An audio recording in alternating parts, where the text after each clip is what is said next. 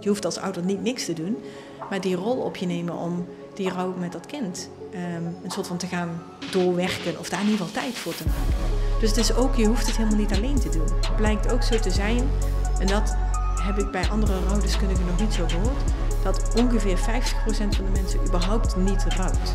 Bij die therapie schijnt dus uh, meer fout te doen dan goed.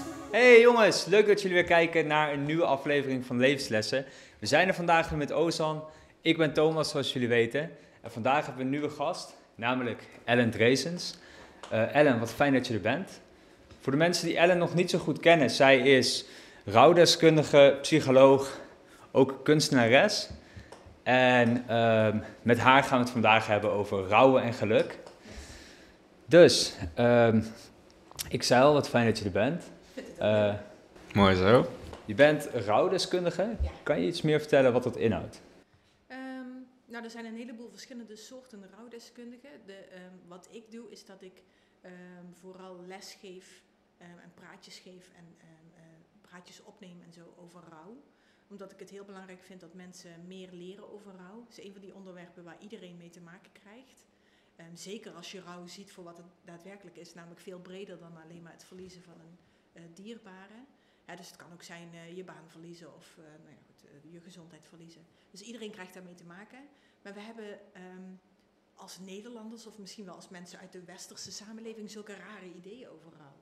En die zitten ons best wel in de weg. Dus dat is een soort van mijn missie om de normale persoon die met rouw te maken krijgt, ietsje meer daarover te vertellen, zodat ze daar ook ja, iets aan kunnen hebben. Mm. En wat zijn die westerse ideeën dan precies? Ja, het is een heel soort raar clustertje van dingen als. Het zijn een beetje, vaak zijn het een soort van gezegdes.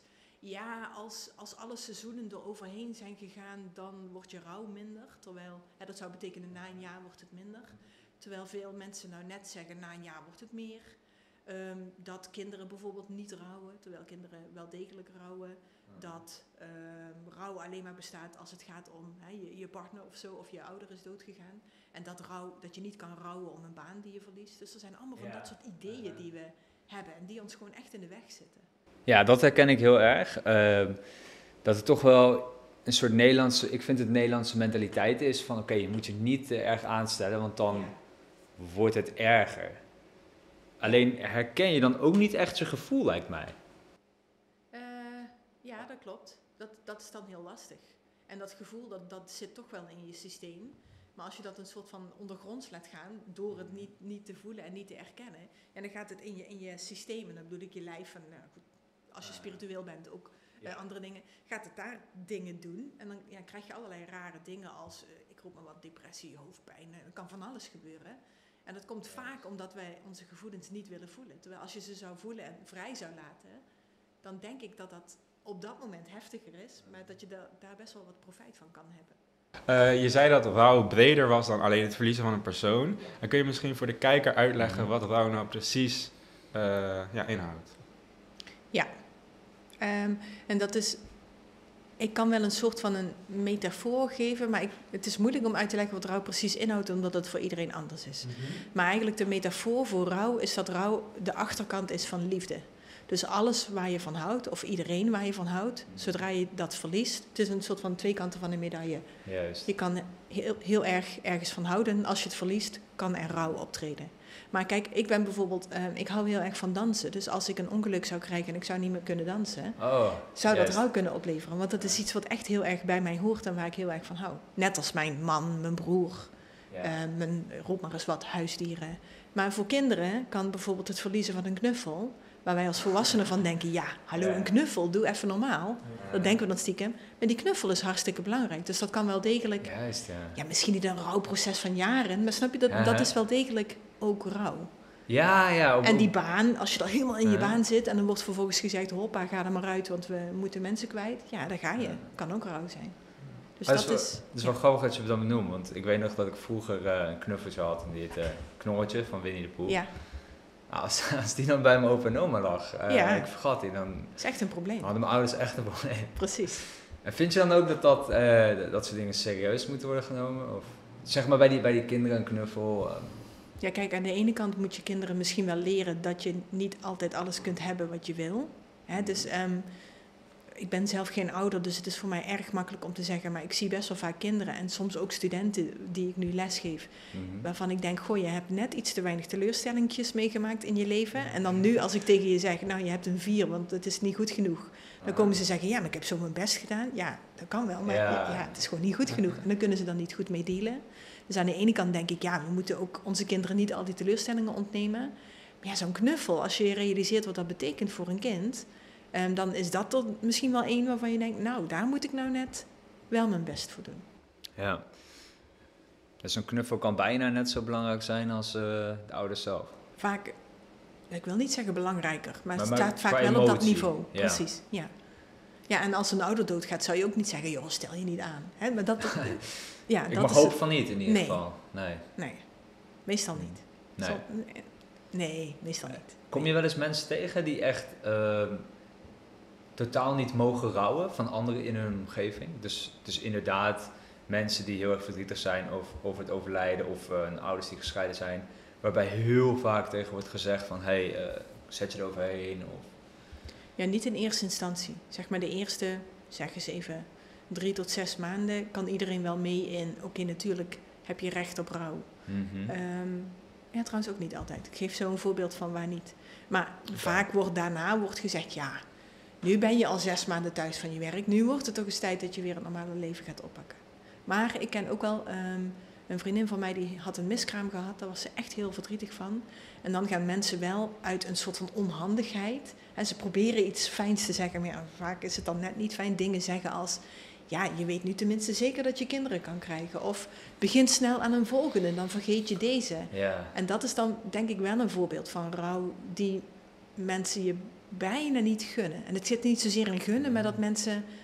Ja, Misschien dat ze er niet mee om kunnen gaan. nou, ze willen... Ik denk dat als je probeert te snappen hoe het voor een ander is... en dat heb je nodig om een soort van goed met een situatie om te gaan... dan moet je dus die gevoelens zelf ook in Ja. zekere mate ervaren. En dat is voor veel mensen hartstikke heftig. Dus dat is denk ik vaak waardoor je... Je probeert die gevoelens bij jezelf weg te houden...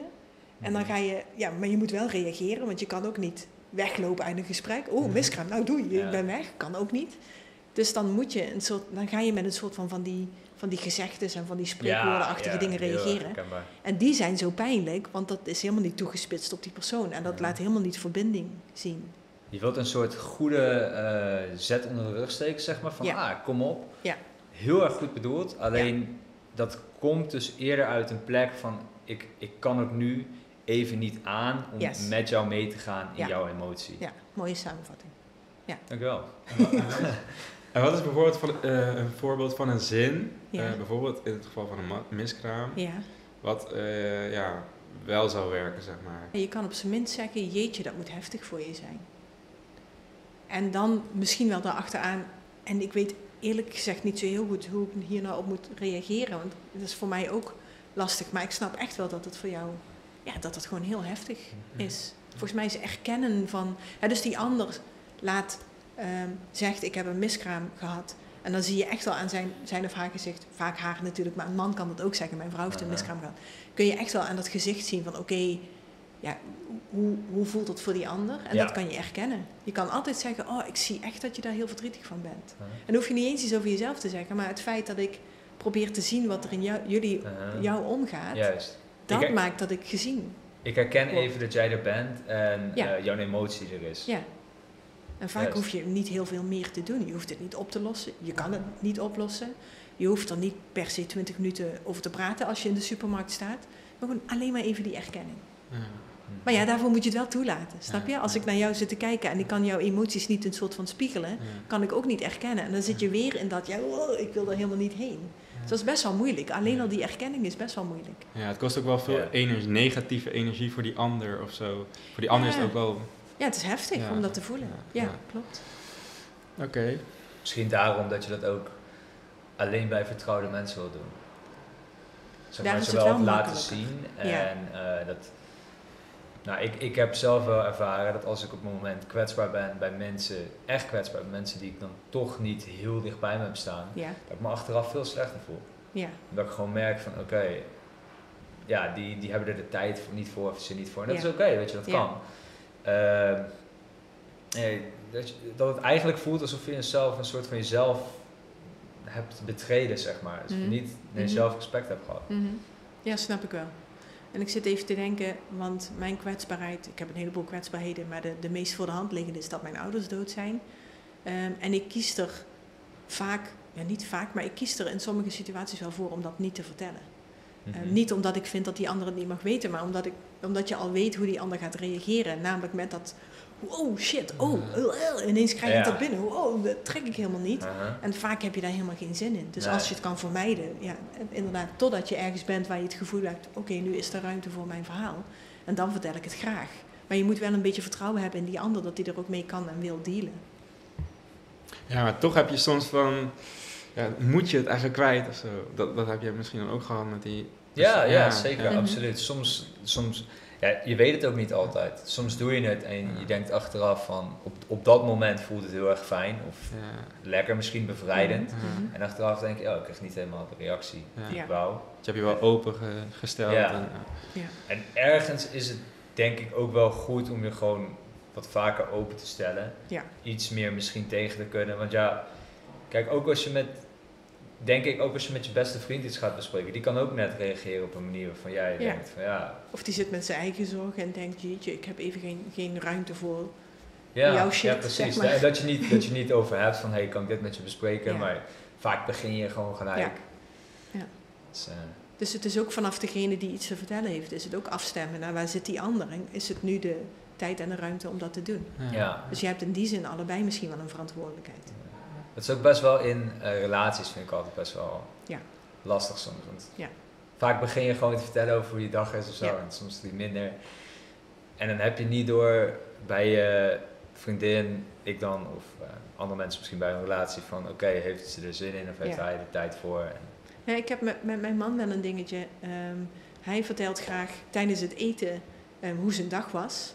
Ehm, en heeft een baan eh, die best wel heftig is. Ehm, dus dan, dat is vaak, wat doet hij? hij is lector.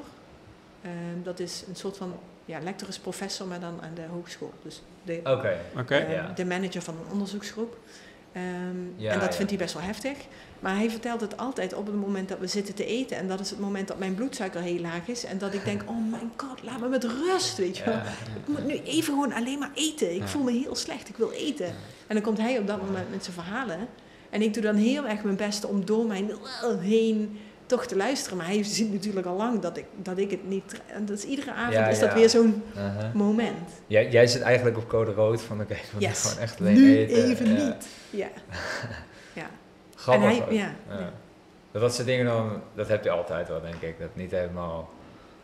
Ja, dat gewoon, je hebt altijd van dat soort dingen waardoor het nooit helemaal soepel kan verlopen en zo. Nee eens. Mm, en als je rouwen, Ja. ehm, ja, het rouwproces, eh, kun je dat uitle- eh, uitleggen in bepaalde stappen? Is, is het een soort van... Kijk, dat is weer zo'n mythe. Dus Mhm. heel goed dat je dat zegt. Mhm. We denken dat een rouwproces via bepaalde stappen Mhm. verloopt. Hmm. Ehm, en een van de eerste theorieën over rouwen, die zegt bijvoorbeeld, ehm, die gaat uit van bepaalde emoties. Je raakt eerst in een soort van een shock, je wil niet geloven wat er gebeurt. Dan, ehm, ik vergeet altijd, het zijn er vijf, word je volgens mij heel boos, dan verdrietig. Dan heb je ook een soort van een marchandeer ehm, ehm, waarin je zegt, oh god alsjeblieft, eh, maak dat het niet waar is. Ik, geef, ik zal nooit meer snoepen als maar dit niet waar is. Ehm, en dan zou je tot acceptatie komen. En op zich wat er fijn is aan die theorie, die is van Kubler-Ross. Dus iedereen Dat- die een beetje Het zijn de vijf stages of grief, toch? Daar heb ik Yes. wel eens van gehoord. Precies, Ja. yes, dat zijn die. Die theorie klopt niet, denken wij nu achteraf. Wat er Uh-huh. wel heel goed aan is, is dat het laat zien dat er een heleboel verschillende emoties in de rouw voor kunnen komen. Maar zij limiteert dat tot vijf. Terwijl ik zeg, elke emotie die je überhaupt kan voelen, die kan je ook bij rouw voelen. Dus bijvoorbeeld toen mijn Mhm. vader overleed, was ik best wel opgelucht. Ehm, want hij was vijf jaar ziek geweest en dat Ja. was heel heftig. Ehm, vooral voor hem ook. Dus ergens op een bepaalde manier dacht ik, wat fijn voor jou dat je dit leven niet meer hoeft te leven. Maar opluchting is wel het laatste wat je verwacht bij rouw. Dus daar heb ik me dan weer heel lang heel schuldig over gevoeld. Wou net vragen. inderdaad. Precies. Ja. Dus ook schuldgevoel, schaamte, opluchting, hoop, teleurstelling, dat kan ook allemaal bij rouw voorkomen. Ehm, het model waar ik het meeste aan heb, ehm, is het duale procesmodel. En dat zegt eigenlijk dat er ehm, twee kanten en rouw zijn. Aan de ene kant heb je de rouwkant, ehm, waar je ehm, allerlei emoties voelt, waar je herinneringen ophaalt, waar je misschien wel huilt of boos bent, of waar je fotoboeken maakt of bekijkt. Dus waar je met rouw bezig bent. En aan de Mhm. andere kant heb je de herstelkant. En dat gaat heel erg over hoe kan ik de rest van mijn leven leven, gegeven dat ik datgene kwijt ben of diegene kwijt ben waar ik om rouw. Dus dat kan als je je partner kwijt bent, kan dat zijn, oké, nu ben ik ineens alleen met de kinderen. Hij bracht ze altijd naar voetbal, nu moet ik ze naar voetbal brengen. Ehm, maar dat kan ook zijn, we zaten met z'n vijven aan tafel, nu moet ik een bord weghalen. Het kan ook zijn, hoe ga ik de financiën doen? Dat is hele praktische dingen. heel, ja, vooral praktische dingen inderdaad. Mhm. Maar ook ehm, een beetje existentieel van oké, maar wacht even. We waren met z'n tweeën en nu ben ik in mijn eentje en hoe, hoe geef ik dat leven nu vorm? Juist. Ehm, en rouwen is op en neer gaan tussen die twee kanten. Ja, En ja. ehm, eh, jullie hebben vast ook wel gedacht over de vraag... hoe weet je dat rouw normaal is? Of dat, wanneer weet je dat het vastloopt? En als je daar niet over gedacht hebt, beantwoord ik de vraag toch.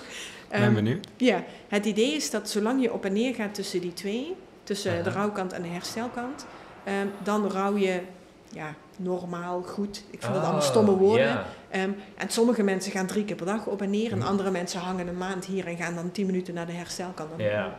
Als je maar af en toe... Als je maar op en neer gaat, is rouw Wow, oké. Mensen die niet op en neer gaan en die lange tijd, en dan heb ik het over langer dan zes maanden of langer dan een jaar, dus Ja, in een van die twee fases. Yes. Dan kun je eens na gaan denken over de mogelijkheid dat rouw misschien vastzit.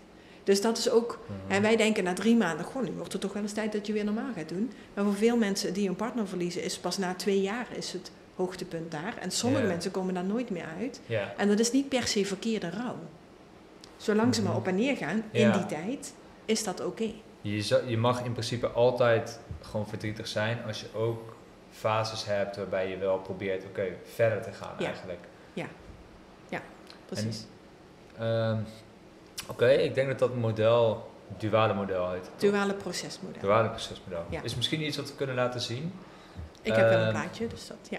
Oké, Ja. interessant. Nice. Ehm, wij zagen dat je ook eh, bezig bent als rouwcoach, eh Mhm. een doorleefboek hebt. Is dat dan ook iets wat dat, dat doorleefboek wat heel erg focust op het eh, proces van verder gaan en toch de Ehm, zaken oppakken weer in Allebei die kanten. Dus het doorleefboek. Ja, het doorleefboek is een. eh, ik heb het bij me, maar ik weet niet of jullie. Ja, dan moeten we nu stoppen Kunnen, om het eh, te, we te kunnen het straks laten zien. Is goed.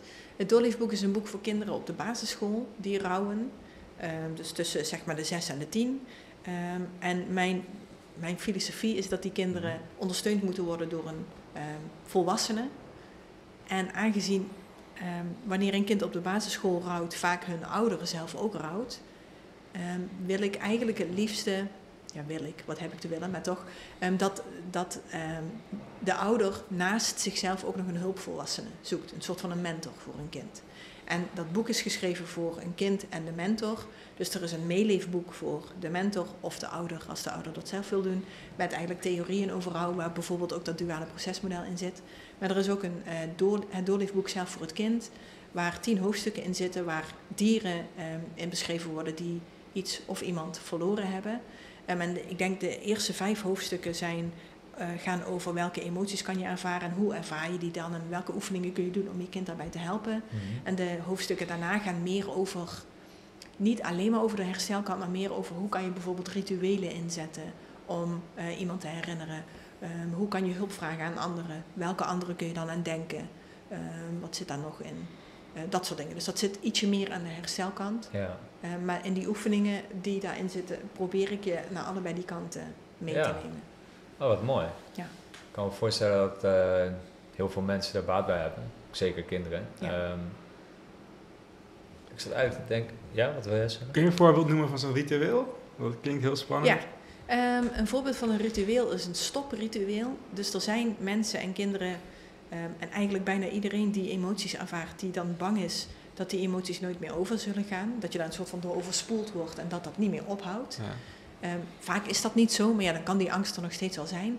En een stopritueel is eigenlijk een ritueel dat je maakt om tegen jezelf te zeggen: Oké, ik geef mezelf nu bijvoorbeeld een kwartier of twee liedjes lang de tijd om eh, mijn emoties te voelen, wat dat dan ook is. Hè, verdriet, maar het kan ook boosheid of nou, van alles. En dan daarna doe ik iets waardoor ik actief zeg: Oké, nu is de tijd voor deze emoties is klaar. Ja. Ik ga iets anders doen. Ja, Of je kan zeggen: Ik brand een kaarsje en ik luister twee zielige liedjes. ja, Eh, ja, ik probeer het weer even te vertalen naar kinderen. En dan doe ik een derde liedje daarachteraan waarop ik wild ga dansen, waardoor ik die, eh, die rouwemoties niet meer voel. Dat en morgen doe ik het echt. Ik weer. herken dat echt. Ja. Ik vind dat wel gaaf. Want ik, ik ga vaak maar door. Ik ga vaak Ja. maar door. Ja. Ja, dus je moet jezelf soms actief ja, dwingen bijna om te stoppen. Ja. En dat kan met zo'n ritueel. Als je dat een paar Ja. keer doet, dan, dan luistert je lijf daar. Dat je ook gewoon heel duidelijk zegt: van, Oké, nu gun ik mezelf de tijd. Ja. In plaats van ehm, wat jij zegt, herken ik ook. Dat ik dan voel ik me verdrietig en ik zet uh, metalmuziek op. Ja, Ja. het blijft gewoon doorgaan. Ja. Soms. Dus misschien moet je eerst drie zielige liedjes en dan de metalmuziek. Nee, maar de metalmuziek is dan zeg maar. Oh, die is het ook zielig. zielige. Oh, oké, sorry. dat is niet mijn idee van metalmuziek, maar oké, Ja, nee. ja, Wat, ja. wat is het vrolijke weer? Hoe het. Ehm, het vrolijke, dat is eh, vaak een beetje chill muziek van eh, Lazy Sunday of zo. Of Ah. soms ook hardstyle. Oké. Ja, dat is echt, eh, daar word ik vrolijk van, Ja. energiek. Ja. Maar ja, misschien dat dat iets is inderdaad. Gewoon dat, Ja, er- zitten dus Twee kanten aan. Hè? Gun jezelf tijd om het wel te voelen, in plaats Mhm. van het een soort van half te voelen of weg te Ja, stoppen. ja. En dan spreek ook met jezelf af, maar dan doe ik iets, iets actiefs, vaak iets met je lijf, waardoor ik eh, Sporten, me dansen. weer, precies, weer anders ga voelen. Juist, oké. Ja. Ah, dat vind ik wel grappig. Het doet me ook heel erg denken aan, ehm, aan zeg maar mensen die dan zeggen van oké, ik ga thuis ook nog wel een beetje productief zijn. Ja, En dan gaan ze thuis eh, op de bank zitten, Netflix aanzetten en dan Ja. in de tussentijd nog werken. En dan Ja. eigenlijk doe je dan drie uur precies. gewoon niks. niks. Je doet, Ja. je doet een klein beetje wat, maar totaal niet productief. Ja. Dat is gewoon, Als je een een half uur. uurtje nog precies ja, ja, thuis dan had ben je al gezeten. veel productiever. Ja. Klopt. Dus je kan veel beter gewoon met focus iets gaan doen dan met, eh, ja, zonder doel eigenlijk. Ja, dan, dan een beetje half-half. Ja, Klopt. oké, interessant. En ehm, u zegt eh, bij het rouwproces van een kind is, Ja. een, is een ouder eh, ja, niet genoeg en raadt u eigenlijk nog een andere volwassene aan die Ja. helpt bij het rouwproces. Waarom is dat precies? Nou ja, er zijn een aantal redenen voor. Dus de eerste zei ik al, het kan zijn dat als een kind rouwt, dat de ouder zelf ook rouwt. Eh, in het geval van mij, hè, mijn moeder overleed, mijn vader bleef met twee kinderen over. Maar ja, mijn vader was net zo aangedaan als wij. Misschien nog wel meer, want ik was vier en mijn broertje elf maanden. Dus wat weet je dan? Wat snap je dan, hè, van dat je moeder dood is? Dus ja, hoe kan mijn vader in zijn eigen rouw ons goed opvangen? Daar doet hij natuurlijk hartstikke zijn best voor. Maar dat betekent niet dat dat goed genoeg is voor die kinderen. Ja. Ehm, ten tweede, kinderen vinden het vaak heel moeilijk om hun emoties nou net aan die ouder te laten zien. Want kinderen voelen al lang dat die ouder zelf hartstikke verdrietig is. En meestal is hun neiging dan om een soort van onbewust te zeggen van... oké, weet je, ik word lief en stil en jij hebt bij mij geen kind. Ehm, dus het lijkt me heel belangrijk om dan naast die ouder iemand te vragen die je vertrouwt... aan wie je vraagt van, hé, hey, wil jij, natuurlijk samen met mij... want je hoeft als ouder niet niks te doen... maar die rol op je nemen om die rouw met dat kind... ehm, een soort van te gaan doorwerken of daar in ieder geval tijd voor te maken. ja. Dus het is ook, je hoeft het helemaal niet alleen te doen. Heb jij dat ook gehad? Vroeger? Ja, ik heb een aantal hulpvolwassenen gehad. Eh, wij hadden een buurvrouw bij wie we terecht konden. Dat was heel fijn, want ja, die woonde echt naast de deur. Dus dan kon je gewoon, hè, do- Nou, doei, ik Oh ga ja, even... Ja, precies. Ehm, dus zij ving ons op naar school, maar dan konden we ook in de weekenden terecht. En dan aten we mee en dat soort dingen. En ik had ook, ehm, natuurlijk had ik een aantal lieve tantes en familieleden. Maar er was één tante heel speciaal voor mij, waar ik me echt heel erg thuis voelde. Ehm, dat was ook vooral tijdens mijn pu puberteit eigenlijk. waar ik dan binnenkwam en dan vroeg ik, hey, mag ik mee eten? En dan zeiden zij, ja is goed, maar wil je dan even stofzuigen? En dat was zo fijn dat je ergens komt waar ze niet zeggen, ach, oh, dat arme meisje Oh, ja. met die dode moeder, ga jij maar op de bank Ja. zitten, weet je wel zo. Nee, ja, Ja. hallo, je moet even meedoen dan. Dus dat ja. was echt een thuisweg van huis. En dat vond ik heel fijn, om daar gewoon ook Ellen, zonder dat hele verhaal van die dode moeder, eh, te mogen zijn. en als ik daarover wilde eh, praten, mocht dat ook, maar ja, mm. kon allebei. Ja, precies. Maar niet dat je altijd zielig werd gevonden. Want dat is wel, ehm, dat is wel een van de lastige dingen. Ehm, dus ik ben wees, al lang, 20 jaar of zo. En ik hoor nog steeds wel regelmatig dat mensen, wederom heel goed en heel lief bedoeld, zoiets zeggen als: Oh, wat knap dat je gepromoveerd bent, want je hebt door je Oh. ouders. En dan denk ik, ja, Oh, hallo, ja. ga nou niet zitten doen alsof ik... Ja. Snap je dat? Op de een of andere manier neem je me dan iets af als je dat zegt. Ja. Het is ook wel fijne erkenning, maar ik voel het helemaal niet zo dat ik ondanks mijn dode ouders dan toch maar tegen die berg op mijn best heb Hoor je gedaan om dat te best vaak dan? promoveren. Ja, dat hoorde ik vooral eh, rond die tijd. Dus toen ik nog wat jonger was, hoorde ik dat vaak. Ja. Wat knap. Ja, ik vind het fijn als je het knap vindt dat ik gepromoveerd ben. Maar niet Ja. omdat ik Nee, wees ben. Dat, dat voelt dan heel... Het, het voelt dan bijna alsof Ja, jouw limiet, zeg maar, in het leven gewoon lager is. Ja, dat mensen minder van me, van me verwachten omdat Ja. ik wees ben. Ja. Maar er zijn ook zoveel andere dingen die je kunt zeggen. Waarom precies dat? Ja, maar ja, denk maar zelf maar eens na over wat jij tegen mensen zegt. Dan zal ook de helft van de tijd zal het net een beetje onhandig zijn. Dat is gewoon wat we doen, snap je? Je, je probeert iets te zeggen en je voelt niet goed aan waar die ander zit. Of die ander laat helemaal niet merken waar, hè, Ja. wat voor gevoelens hij ervaart. Ja, hoe moet je Ja. dan het goede zeggen? Ik denk dat het iets is in, eh, in de gedachte van mensen als we iets soms lastig vinden of waarbij we denken zelf heel veel last van te hebben, dat we Ja. dan die emotie, hoe Ja, die we zelf projecteren eigenlijk, op iemand anders plaatsen. Oh, jij zal dit wel hebben en dat. ja. En je, je hoort ook bijna niet meer wat die persoon dan zegt. Nee, nee, je bent gewoon met je eigen, je eigen ding bezig. Ja. Dus waar jij misschien gedacht hebt, wow, jij moet zoveel tegenslag hebben moeten overwinnen om, hè? En die persoon denkt van, ja, ik heb getraind. Ja, en ik, het was inderdaad een goede Ja. tijd. Snap je? Dus Ja. dat hele van, oh, het moet zo moeilijk zijn geweest, zo ervaart die persoon het helemaal niet meer. Het werkt eigenlijk gewoon wel. Ja, dat is precies wat he- hedonische adaptatie is. Je went aan alles. Gaaf. Ja, ik zat er gisteren toevallig nog in de avond eh, aan te denken van als ik, als ik nu dood zou gaan, of, of ik dat zou kunnen accepteren of zo. Ja. En toen dacht ik wel van Als ja, het ik- weet. ja, als ik het weet dat ik daar wel zou kunnen komen, want Ja. ja, er is geen weg meer terug.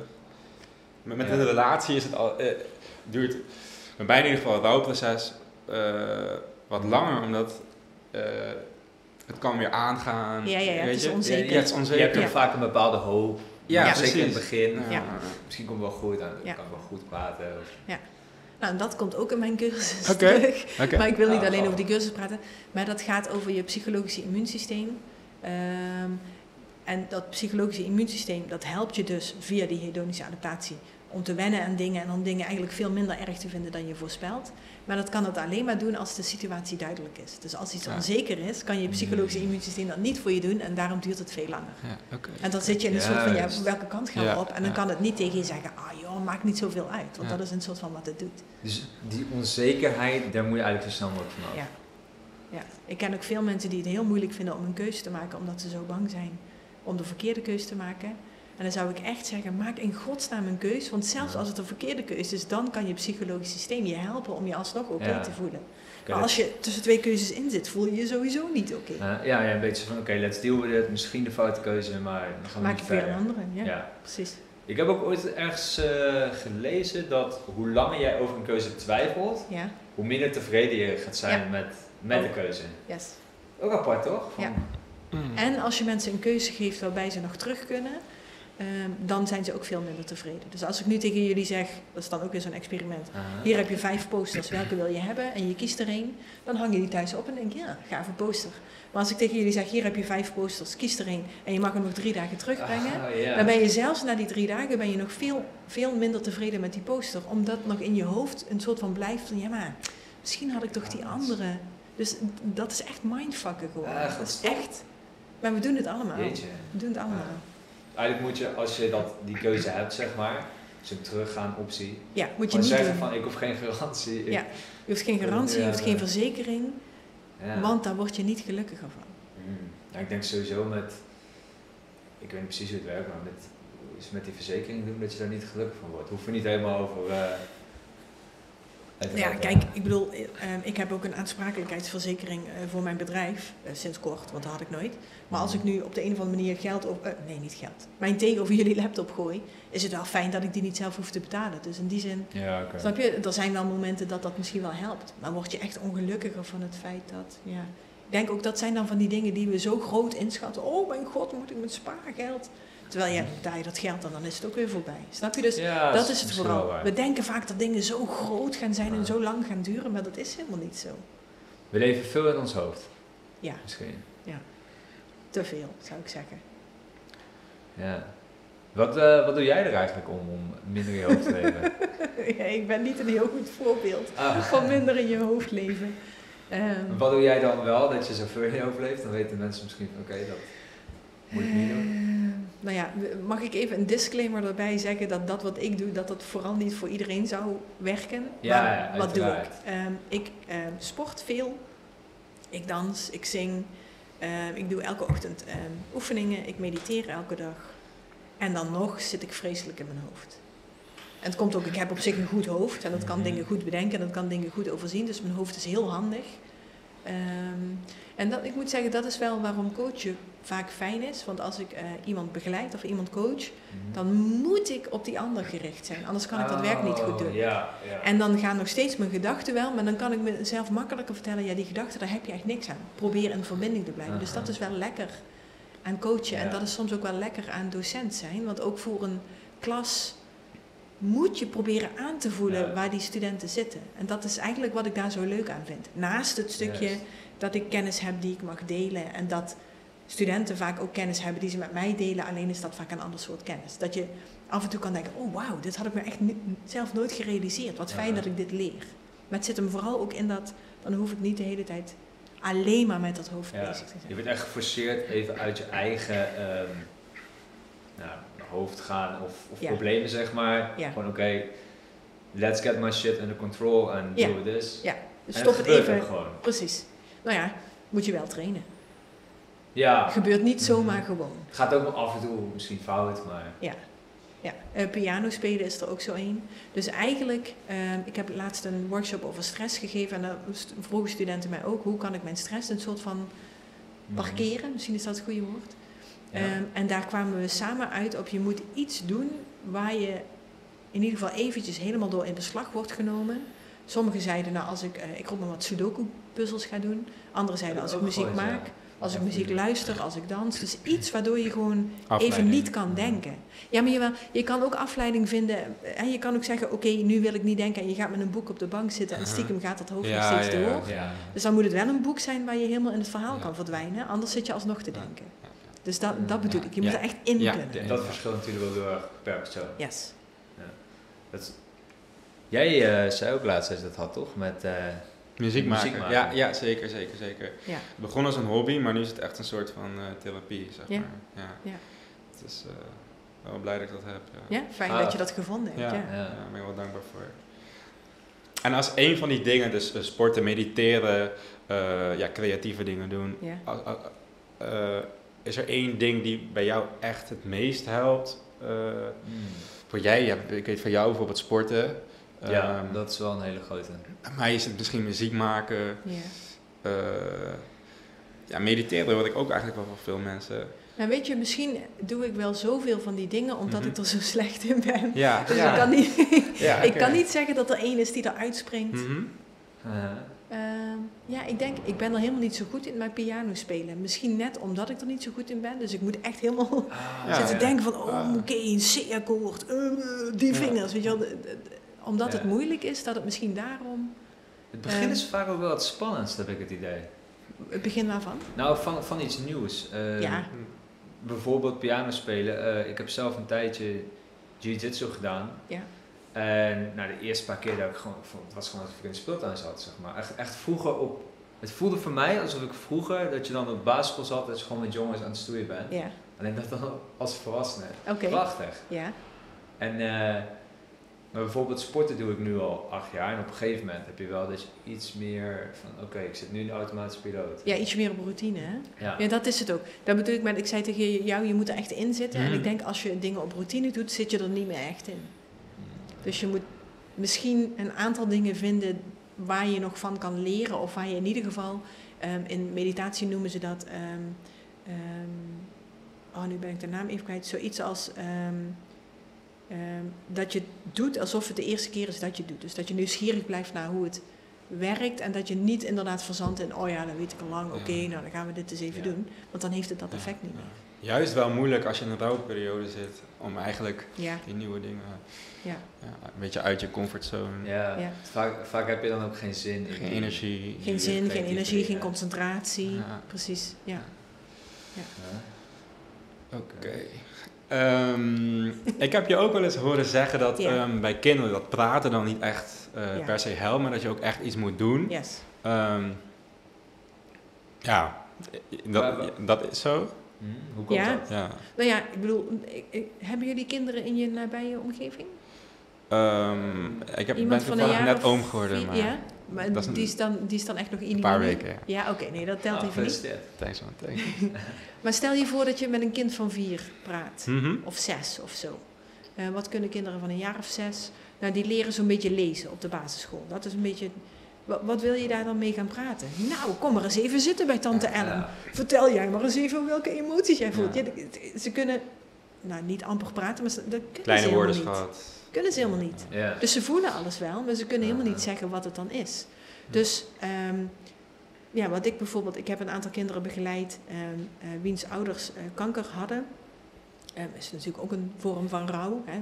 Eh, Bang zijn dat je, of nou ja, goed, ziekte van je ouder.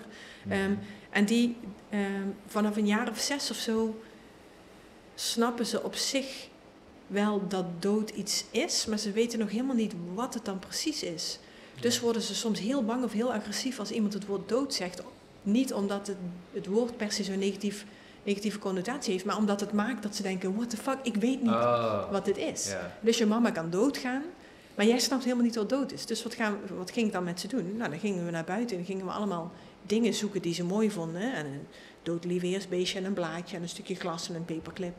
En dan gingen we vervolgens naar binnen en dan gingen we kijken, oké, groot vel met een lijn in het midden. En aan die kant leggen we alle dingen die dood zijn. En aan die kant leggen we alle dingen die in ieder geval ooit levend zijn geweest. Ja. Blaadjes, lieveheersbeestje.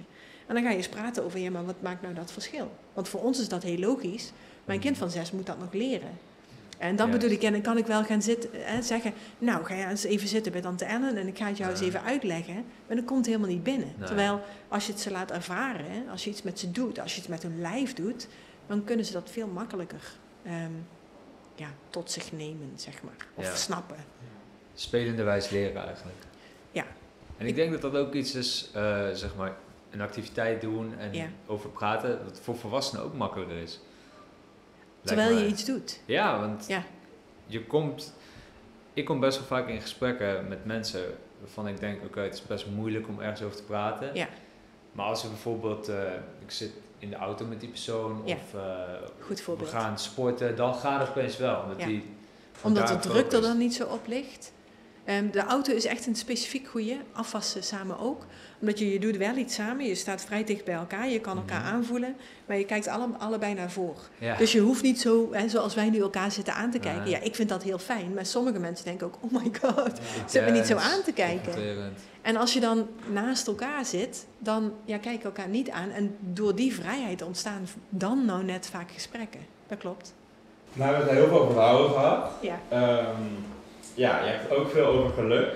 Ehm, dus je hebt dan, je hebt dan een, een, een, een rouwproces. Ja. die, ja, die bij ieder persoon eh, Anders is. anders is. En Ja. eh, de- bij de ene een jaar, de ander, de ander, de ander een, heel leven misschien wel. Ja, hoe- en ik wil even toevoegen, sorry, net een artikel over gelezen. Het blijkt ook zo te zijn, en dat heb ik bij andere rouwdeskundigen nog niet zo gehoord, dat ongeveer 50% van de mensen überhaupt niet rouwt. In ieder geval niet met symptomen en langdurige. Dus ongeveer Ja. 50% van de mensen ervaart vrij weinig rouwsymptomen. Dus dat is er ook nog. Maar bedoel je dan dat die mensen er gewoon weinig last van hebben? Ja. Echt? Ja. 50 procent? Yes. Dat vind ik veel. Dat betekent niet dat ze nooit verdrietig zijn, Mhm. Hm. maar dat betekent wel dat het niet echt een invloed heeft op hun dagelijkse functioneren. Kunnen snel door. Maar is ook voor de lange Ja. termijn. Kijk, precies, goede vraag. Want vroeger, vroeger, een heleboel theorieën zeggen, als mensen geen rouwsymptomen vertonen, betekent dat dat ze het dus onherroepelijk wegstoppen en komt het een keer naar boven. Via je lijf, via een ziekte, via Ja. wat dan ook. En dit eh, artikel ehm, zegt eigenlijk, ja, nee, 50% van de mensen is zo veerkrachtig dat hun systeem die rouw een soort van aan kan. Wederom, dat betekent niet dat ze geen emoties ervaren, maar wel dat dat geen grote gevolgen heeft. Dus wij zagen dat als een eh, reden om te zeggen, jij bent niet goed bezig of jij rouwt niet goed of hè, bijna een opgestoken vingertje. Je zou beter moeten rouwen. Wees verdrietig. Precies. Terwijl nu blijkt eigenlijk, ja, maar dat is gewoon voor 50% van de mensen Wow, niet zo. verbaast me echt. Mij ook. Ik Ja. las het echt drie weken geleden of zo, dat ik dacht, Ja. oh, jeetje, maar dan, dat betekent wel iets voor therapie en zo. Nu sturen we iedereen die niet rouwt, sturen we naar therapie. Oei, ga jij maar eens bij een Ja. psycholoog. Ja, maar die therapie schijnt dus eh, meer fout te doen dan goed. Als je Serieus? echt niet, ja, echt. Wow. Ja. Maar je hebt toch bepaalde symptomen Holy shit. je naar therapie gaat, waar, waar, waar je vanaf wilt. ja, of je wordt gestuurd door mensen die zeggen, jij hebt niet genoeg symptomen. En Ja. dat is dan dus ook ja, weer zo'n- Ja, ja, van, Ja, Wow. En dat je dan bij therapie ehm, heel veel dingen gaat ophalen, zeg Yes. maar. En dan wordt het pas erg. Holy fuck, dat is wel... eh, Ja. Dat is heftig. dat is heftig, ja. Ja.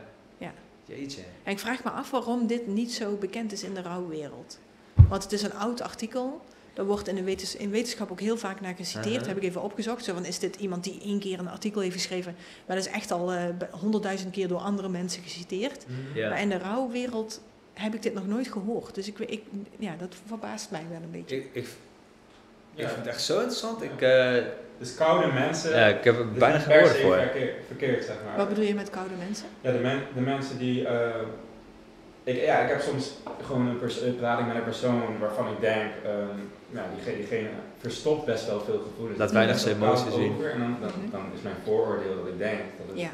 eh, ja, dat het eigenlijk niet zo goed is, maar Ja. dat hoeft dus helemaal niet per se. Het kan dus allebei zijn. Het kan zijn dat die persoon gevoelens verstopt. Het kan ook zijn dat die gevoelens er gewoon niet zo zijn. Ja. Ja. En dan ga je dan weer met je vooroordeel. Eh, Ja. ja. Doen we allemaal Ja, natuurlijk. hoe snel maar, die er zijn is ja. bizar. Ja, klopt. Maar Ja. wow, ik vind het wel heel erg eh, bizar. Maar ja, met dat aanvoelen is dat ja, je, je- ja, je moet- als je een relatie met een bepaalde persoon, een bepaalde persoon Ja. aan wilt gaan, Ja. Moet je diegene goed kunnen aanvoelen. Maar Ja. dat is wel, wel heel lastig, zeg maar. Als je, Ja. als je niet weet dat diegene. En ja, hoe zou je dat kunnen weten eigenlijk? Daar ben ik ook wel benieuwd naar. Ja, dat, eh, zover had ik zelf ook nog niet 50% gedacht. is. Ehm, ik weet wel, dat zit ik nu echt pas te bedenken, dat ehm, ik eigenlijk relatief weinig last heb gehad van het overlijden van mijn vader. Behalve natuurlijk dat ik verdrietig ben dat hij er, Ja. er niet meer is. En wat ik me kan herinneren is dat ik me ongeveer twee jaar slechter heb kunnen concentreren. Maar ik begon toen net met ehm, een eh IO-positie. Ik weet niet of jullie weten wat dat Nee? Nou, dat ik eh, ging promoveren. Dat was echt net nadat mijn vader dood was. Ja. En dat heb ik gewoon binnen vier jaar gedaan. En eh, dat, ja, dat ging gewoon. Dus je zou kunnen zeggen dat dat een periode was waarin ik eigenlijk niet heel veel rouwsymptomen heb Ja. vertoond. En ik heb altijd gedacht, en mensen zeggen ook tegen mij, ja, dat gaat allemaal nog een keer komen. Ja, Terwijl ja. ik niet het gevoel heb dat er iets zit wat nog gaat komen, maar hoe weet je dat? Dus Ja. vaak vragen mensen ook aan mij, heb jij je rouw verwerkt? Ja, eh, eh, ja, dat vind ik zo moeilijk, weet ik niet. Ja, of heeft het je veranderd? Dat, Dat zeker, ja. ja. Maar is het over of is het verwerkt? Ja, eh, en ik heb echt wel mensen om mij heen die zeggen, ja, en het gaat bij jou echt allemaal nog komen. Terwijl ik denk, ja, volgens mij heb ik genoeg gedaan om Ja. dat niet meer te laten gebeuren. Maar ja, ja, dat weet je dus pas als je in je graf ligt en denkt, nou, is het er gekomen of niet? Snap je? Dat is heel Ja. moeilijk om, om van tevoren te zeggen. En nee, misschien heeft die emotie wel ook gewoon voor veel afleiding gezorgd. En als je, ja, er zijn ook mensen die gewoon, eh, inderdaad wat jij net zei, op de bank gaan zitten. En Ja. misschien gaat het dan wel. Ja, ja dat, dat denk ik zelf ook. Ik merk eigenlijk dat als ik gewoon bezig ben, Ja, het juist beter met me gaat. En als ik er veel over praat, of dan echt gaaf, zeg maar, ja, dat vind, dan, ja, dan gaat het juist wat minder met me. Terwijl als ik gewoon bezig ben met teasers, met dit, Ja. ehm, ja, gaat het wel goed, voel ik me goed, happy. ja. De vraag is denk ik, ehm, wanneer gaat het beter met je? Dus dat het op het moment dat je erover praat even minder goed met je gaat dan wanneer je le- lekker bezig bent, dat zou voor mij geen reden zijn om te zeggen je moet er niet over praten. Maar het is eigenlijk meer, zeg maar, de week daarna. Snap je? Als je net een fijn gesprek hebt gehad, hè, met jou bijvoorbeeld, Ja. je, je hebt kunnen delen, dan is het delen misschien wel heel heftig. Maar als je dan de week daarna of zo vrijer voelt, Ja. dan is dat delen misschien nog steeds wel goed. Ja, ja, oké. dat Dus is- het gaat niet om dat moment zelf. Ja, Want dat delen is altijd heftig. ja oké. Maar jij had een hele andere vraag en daar heb ik helemaal overheen Ja, geluld. sorry, Weet die, jij hem eh, nog? Oké, je hebt geluk. Ja. Ehm, in hoeverre bepaal je je eigen geluk? Ehm, is een deel genetisch bepaald, je omgeving speelt natuurlijk een grote rol. Ja. Nou, daar heb ik cijfers over. Mhm. Dat is dan fijn als je een cursus gemaakt hebt. Ehm, ongeveer, pin me niet vast op de precieze getallen, ongeveer 50% van je geluk wordt genetisch bepaald. Dat betekent dat dat gewoon van je ouders komt en dat is een soort van een startpunt van je geluksniveau. Hè. Zeg even op een schaal van 1 tot 10, ehm, zeg je je genen dat je gemiddeld 7 gelukkig bent. Dan is 10% van ons geluk is omstandigheden. Zoals hoe rijk je bent, of je een partner hebt, ehm, of je een baan hebt, of je ehm, eh, aantrekkelijk bent, dat soort dingen. Mhm. Dat is maar 10%. En dat is eigenlijk waar wij vaak van denken, oh daar moet ik mijn geluk vandaan halen. Ja, als ik maar rijker word, als ik maar een goede baan heb, als ik maar een leuke partner heb, dan word ik gelukkig. Is waar, maar is maar 10%.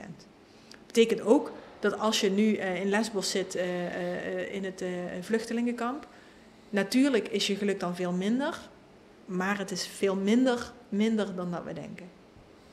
Dan is er 40% over en dat is eigenlijk het deel van je geluksniveau dat je zelf kan beïnvloeden. Ehm, en daarmee klinkt dat makkelijk, dat is natuurlijk niet zo. Ehm, dat is echt een heel proces en dan moet je, ja, moet je iets voor doen. Sommige mensen zijn er uit zichzelf trouwens al goed in. En daar kun je strategieën voor gebruiken, maar dat is 40% en dat vind ik best wel veel. Ja. Kan je Maar- van een eh ja. 3 naar een 7 toe gaan? Zeg maar op een schaal Ja. van 1 tot 10. Ja. Ja, of in ieder geval van een, van een onvoldoende naar een 10 is haalbaar. Ja. Met je, eh, met je veer, ja, goed. Als je op een 6 zit, zeg maar. Ja, normaal. precies. Ja. Ehm, maar ik wil er wel bij zeggen dat het, en, en dat merk ik ook al aan onze samenleving, dat we nu vrij makkelijk zeggen, ja, geluk is dus te beïnvloeden, dus is het ook jouw schuld als je niet gelukkig bent. Maar ho, ho, dat vind ik nog wel een grote dan natuurlijk. Want je kan ook Ja. genetisch belast zijn om heel erg ongelukkig te zijn. Je kan ook een depressie hebben, waardoor het echt heel Mhm. moeilijk is om gelukkig te zijn. Snap je? Dus er zijn allerlei redenen, grotere redenen dan alleen maar dat gedrag en die strategie die jij kan doen. Maar het schijnt wel zo te zijn dat als je elke dag drie dingen opschrijft waarom je gelachen hebt, of eh, twee keer per week drie dingen opschrijft waar je dankbaar voor bent, dat daarmee je geluksniveau omhoog. Die heb ik ook Gaat. gehoord, ja. Ja. Gratefulness journaling. En dat opschrijven ook beter werkt dan... eh, Ja. dan de- ja. Doe je dat zelf ook? Besmaakte glimlach. Ehm, ik doe het wel eens. En dan Ja. vergeet ik het weer. Het is ook lastig om vol te houden, zoiets, vind ik. Ik, ik doe het ook wel eens, maar echt Ja. elke dag is... eh, Nou ja, en het interessante is dan dat blijkt dat het helemaal niet goed werkt als je het elke dag doet. Want dan gaat je Wow. systeem een soort van denken van, oh god, dan moeten we weer dat dankbaarheidsgedoe doen. En dan krijg je er misschien soms een beetje tegenzin. Of het Ah. wordt zo'n routine, waar we het net over hadden. Terwijl als je het één keer per week doet, dan blijft het veel frisser. En bij al die geluksoefeningen zit het hem ook in de lol van het doen. Dus als het frisser blijft, heeft het een beter effect. In plaats van, van oh, dat moet ik straks naar de Precies. Ja, Tien minuten later naar bed daardoor. ja. Ik heb het ook wel eens een tijdje elke dag gedaan en toen merkte ik wel dat ik zeg maar minder gemotiveerd werd. dat. Omdat ik heel best wel Precies. veel voldoening ervan kreeg van Ja. ik heb dit al, dit gaat goed. Ja. ja, Dus dan kan je misschien denken, nou, dan ga ik het nu eens elke week doen en kijken of ik daarmee die motivatie weer terugkrijg. Ja. dat is iets wat je heel weinig hoort. Ik, ik hoor hoor normaal het elke dag, maar ik vind het wel heel erg interessant dat het Ja. eh, te vaak doen dus echt een gevaar is. Ja. Misschien ook wel van mediteren dan, dat je daar... Nee, er zijn een aantal dingen zoals goed eten, op tijd naar bed, eh, mediteren, die werken als je ze elke dag doet. Omdat dat je systeem, je hele systeem beïnvloedt en een soort van in een gezonde basishouding brengt. Ja. En al die andere dingen, eh, wat zijn dat dan?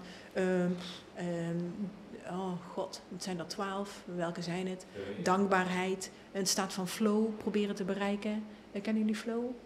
Ja, een beetje dat dingen vanzelf gaan. Ja, precies. Hè, dus ik kan me voorstellen als je muziek maakt, ehm, dat je dan een soort van in zo'n staat zit dat je drie uur achter elkaar muziek kan Mhm, maken en dan mhm. kan denken, oh, dat is pas vijf minuten voorbij en ja, het was drie uur. Ja. Die staat. Mhm. Ehm, ja, dat moet je niet de hele dag proberen te hebben. Want jezus, als je de hele dag alleen maar die staat, dat gaat ook niet. Maar wel als je iets belangrijks of iets fijns aan het doen bent. Dus ook daar, probeer het niet de hele tijd, maar probeer het in te zetten op momenten waarop het echt een verschil maakt.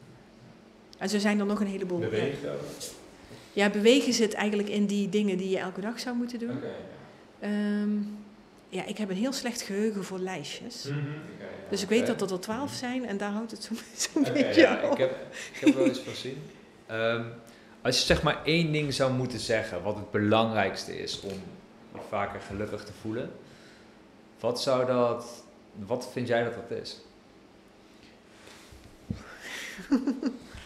Oh, alsof ik dan ook, ja. Eén ding. Het kan voor jou zijn, ehm, wat je misschien vaak ziet bij mensen. Ja, ik zou liever tien dingen zeggen, dat snap je. Maar ehm, Ja. ik kies nu één ding, wat misschien niet het allerbelangrijkste is, maar waarvan ik wel denk dat het belangrijk is. Ehm, geluk is iets waar je aan kan werken en het loont echt. De realisatie dat het niet iets is wat buiten jou is, maar dat het iets is wat in jou zit en dat, ja, ja. dat je er echt veel aan kan hebben.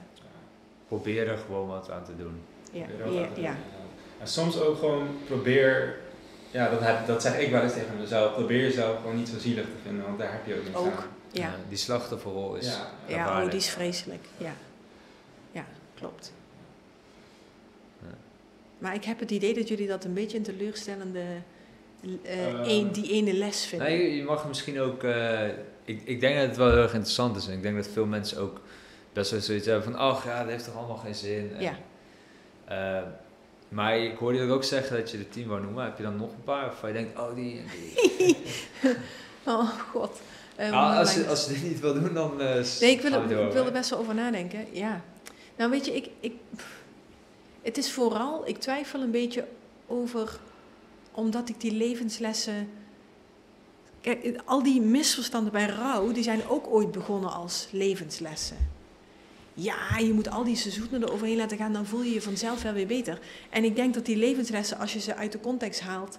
eh, en ik heb nu van alles verteld over geluk, maar als een luisteraar denkt... oh, ik moet dat ene ding doen, ja. Ja. dan werkt het alleen maar contraproductief. Dus dat is waarom ik die ene levensles die je leven gaat veranderen... ik geloof daar niet zo in. Nee. Ik geloof aan die hele context die je nodig hebt om dat een beetje te snappen.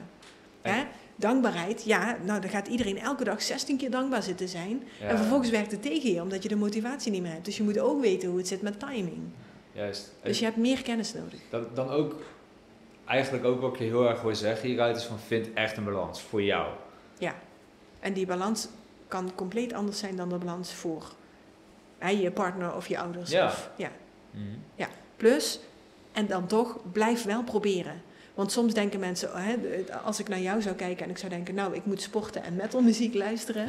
Ehm, ja, misschien werkt sporten voor mij wel helemaal niet. Dus je Mhm. moet niet alleen maar naar die ander kijken, maar je moet echt op onderzoek gaan wat voor jou werkt. En dat is waarom ik zeg, Ja. Ja. het helpt echt om aan geluk te werken. Omdat ik dan hoop dat mensen nieuwsgierig worden en denken, oh, ik ga op onderzoek uit. En ik kom misschien uit op iets wat voor mij werkt. Dat vind ligt niet voor het oprapen. Dit vind ik niet fijn. Ja. Dat vaker doen. Oh ja, en dan is wel een goeie. ehm, als je niet goed weet waar je blij van wordt, kun je vaak terugdenken aan wat, aan wat deed je als kind, als jong kind. Ja. Wat deed je toen eh, als je, eh, om je blij te voelen? Ja. En ik weet dat dat buitenspelen was met vrienden en boeken lezen. Ehm, en dan kun je vanuit daar kun je een soort van denken, oh, wat betekent dat dan? Nou, blijkbaar dat ik iets met mensen wil doen. Nou, dat blijkt ook wel als docent. Ja. Maar ook boeken lezen dat ik heel graag in een verhaal wil duiken en dat ik heel graag wil snappen hoe iets voor iemand voelt. Nou ja, een rouwcoach, nou daar, daar ga je dan. Snap je? Dus Ja, ja. ja, als jij eh, als kind alleen maar keihard fietste en eh, competitie deed, dan is blijkbaar competitie en winnen en wedstrijd is belangrijk is- voor je. Ja. Ga daar iets mee doen. Kan je Ja. nog op duizend manieren doen, maar dan heb je in ieder geval de, de, de kern misschien wel. Ja, en dat je überhaupt misschien een lijstje hebt van, van welke dingen word ik gelukkig, ook van, Ja. eh, van jou. En Ja. dat heb ik ook gedaan. Dat je daar gewoon zeg maar op terug kan vallen. Ja. Dat is ook wel... Ja, op de momenten dat je je rot voelt, Ja. dat je niet dan hoeft te denken, hmm, wat zal ik dus gaan doen, wat, wat, ik, wat maakt dat ik me fijn voel, want dat kan je je dan niet voorstellen. Nee. Maar als je een lijstje hebt van dingen en je kan een van die dingen gaan doen, dan hopelijk draait daardoor draait je, je, je mentale eh, eh, dinges weer. Ja, Je moet. Komt die switch. Je, ja, je moet, maar je, ook je, je, je, je mindset. Ehm, Juist. Waarbij je weer wel denkt, oh oké, misschien kan het toch wel weer Het is mogelijk Ja. om me lekker te voelen. Precies. Ja. Gaaf. Mooi hoe je die connectie legt eh, ook trouwens. Jij ook. Ook, eh, ehm, weet even niet meer precies waar ik heen wou. Toch die 10%, ehm je zegt dat... 10%, Omstandigheden, ja. Dat vind ik toch nog wel laag, want het klinkt heel laag, laat ik het zo zeggen. want, Ja. eh, ik kan me toch een aantal situaties bedenken. Ja, eh, nu klink je net als mijn studenten en dat is heel terecht. Je gaat altijd automatisch naar de uitzondering kijken. Mhm. En het is natuurlijk zo, ik gaf net het voorbeeld van mensen die in dat vluchtelingenkamp op Lesbos zitten. Ehm, ik denk dat dat een situatie is waarin het gewoon heel moeilijk is om gelukkig te zijn. Dus als de omstandigheden op allerlei vlakken, werk, relatie, wonen, allemaal slecht zijn, dan kan ik wel zeggen, ja, maar je kan 40% beïnvloeden met je gedrag. Ja, dat is dan bullshit. Net als als je depressief bent, ook dan kan je niet zomaar. Hè, dus ehm, gegeven dat de omstandigheden ehm, ver of misschien zelfs wel een beetje onder, het, ehm, eh, onder de 5,5 zijn, onder de voldoende, ja, dan, dan heeft het allemaal niet zoveel zin. Maar gegeven dat je in de buurt van die 5,5 zit, dan ineens maken die omstandigheden er niet meer zoveel uit. Juist. Geluk is niet dat er geen wrijving is. Geluk is nou Ja. net dat, dat, je, dat je ondanks alles toch, Ja, ja. snap je, Da- daar, daar vind je dat geluk. Je Ja. kan ook geluk vinden juist in die wrijving van ik besta, ik, ik ben bezig. Ja. Ja. En dat je het dan ook overwint Ja. bij die tegenslagen. Ja. Maar het zit hem dus niet in. Ik, ik wil, dus als jullie alleen maar een gave podcast willen starten omdat je daar nou rijk van wordt, Oh, ja. En niet omdat je het leuk vindt, dan zeg ik doe in godsnaam die podcast niet. Want dan ben je Ja. het buiten jezelf aan het zoeken en daar zit geluk Ja. niet. Ja, maar dat gaat Ja. niet lang. Nou, laten we hem dan maar bij deze stoppen. jammer, Ja, jammer. Ja. Ja. En Eh. ehm, jou, wil je nog wat vragen? Eh, ja, nee, heel erg interessant. Ehm, ik denk ook dat, eh, ja, dat, dat, dat dat iets is wat wel veel uitmaakt. Dus, dus eigenlijk veel meer eh, werken naar de lange termijn, zeg maar. In plaats van op zoek gaan naar eh, genot en... Makkelijke bevrediging. Ja, ja, precies. Ja, er is, sorry, dan toch wel weer een nuance. Oké. Ehm, de definitie van geluk is, je bent gelukkig als je, even denken, positieve gevoelens ervaart Mm, en ehm, een doel hebt in je leven. Een sense of fulfillment heet dat dan. ja, Ehm, dus dat doel, dat is inderdaad de lange termijn. Maar het is helemaal niet slecht om op de korte termijn ook dingen te doen waar je je lekker van voelt. ja. Iets lekkers eten. ehm, eh, ja, wat kun je doen? Eh, seks hebben met je vriendin. Eh, nou, dat soort dingen. Die zijn net zo belangrijk. Maar al- vaak blijven mensen hangen in extrinsieke dingen. Of hangen in alleen maar, de, alleen maar die positieve dingen die maar kort zijn. Dat is niet geluk. Je moet wel alle twee die Ja, kanten wederom die balans. Wederom de balans. Ja, Ja. Irritant bijna, hè? Dat het altijd om balans gaat. En Ja, welke balans dan? En hoe krijg Ja, je die dan? het zal niet voor niets cliché zijn. Ja, klopt. ik. En, en wat denk je dat eh, ja, deze hele coronasituatie doet met ons geluk? Oeh, Ja, daar heb ik ook over nagedacht. Ehm, en het hangt denk ik heel erg af van wat voor type mens je bent. Ehm, want ik ben op zich een, re- ja, ik ben een erge introvert met extraverte kantjes. Dus ik vind het ook leuk om op een podium te staan. Maar eigenlijk ben ik best wel op mezelf. En ik vind het best wel lekker. Ik bedoel, wij liepen hierheen. eh, ik denk dat we twintig minuten gelopen hebben. En dan probeerden we te praten door mondkapjes. Nou, dat was echt, geen, dat was echt niet, niet leuk of zo. Maar het feit dat ik nu veel makkelijker kan zeggen: joh, ik heb geen zin in al die drukte. Ik vind het best wel fijn. Ja, Maar als je een extravert persoon bent die mensen om zich heen nodig heeft, is het natuurlijk heel erg anders. Dan ja. worden je ineens dingen ontnomen waar jij niet zonder kan. Het is ook wel een, een prettig idee, zeg maar, dat als je nu een paar weken niet met eh, mensen afspreekt, zeg maar sociaal, dat dat, Mhm. dat het niet raar is. Ja. Dat vind ik zelf tenminste heel Ja. erg lekker. Dat, Ja, dat precies. het niet meer hoeft. Maar als jij het type persoon bent dat altijd mensen om zich heen wil hebben en dat opleeft wanneer die met anderen afspreekt, vooral in grotere groepen, ja, dan voel je je natuurlijk best wel kut nu. Want Ja. dat kan allemaal niet. Dus waar haal jij het dan vandaan op dat moment? Maar hebben jullie niet het gevoel dat er een soort van negatieve energie of sfeertje hangt? Ja, Ja, heb ik wel. losschudt? ja, Ja, ja. klopt. Ik weet niet hoe jij erin staat. Ik heb zelf ook het idee dat eh, ja, toch wel veel mensen over het algemeen iets minder gelukkig zijn. Ja. Nu, eh, Ja, en dat snap ik ook wel. Want ik vind het ook erg dat ik mijn schoonouders niet meer kan zien. Ehm, snap je? Dus, de- daar heb je wel een goede relatie mee dus. Ja, ja, ja. ja. Ja ik heb hele, hele fijne schoonouders. Ehm, ja, dus ik heb ook echt wel negatieve dingen. Ehm, wat het moeilijk maakt om hier goed op te antwoorden, is dat ik zelf niet het type ben dat heel makke- makkelijk ongelukkig wordt. Dus waar ik andere mensen om me heen zie die een soort van down raken en die echt soort van worstelen, heb ik een soort van een motortje in mijn lijf dat vanzelf wel doorgaat. Dus Ja, ja. Hè, dat ik, ik richt me dan op iets anders, waardoor ik denk, oh, dit is ook leuk en dan ga ik daar op. ben heel blij met dat motortje. Ehm, dus dat, samen met dat ik een introvert ben die eigenlijk denkt... oh, wel lekker dat mensen niet meer zo dicht bij je komen... en dat je niet meer iedereen de hele drie zoenen hoeft te geven, dat soort dingen. Dat maakt eigenlijk dat ik... Zo, drie zoenen. Zo, Oh, verschrikkelijk. Ja, ik, ja. Ja, nou ja, ik kom uit Limburg, dus daar moet je de hele tijd drie zoenen geven. En ik wil de mensen van wie ik hou met liefde drie zoenen geven, maar niet de mensen waarmee ik niks heb.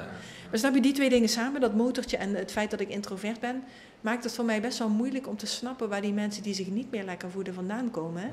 En normaal zou ik ze spreken en zou ik zeggen, hoe zit dat nou bij jou? Ja, dat gaat nu ook niet. Dus ik vind het best wel lastig om dat in te Ja. schatten, waar het hem dan in zit.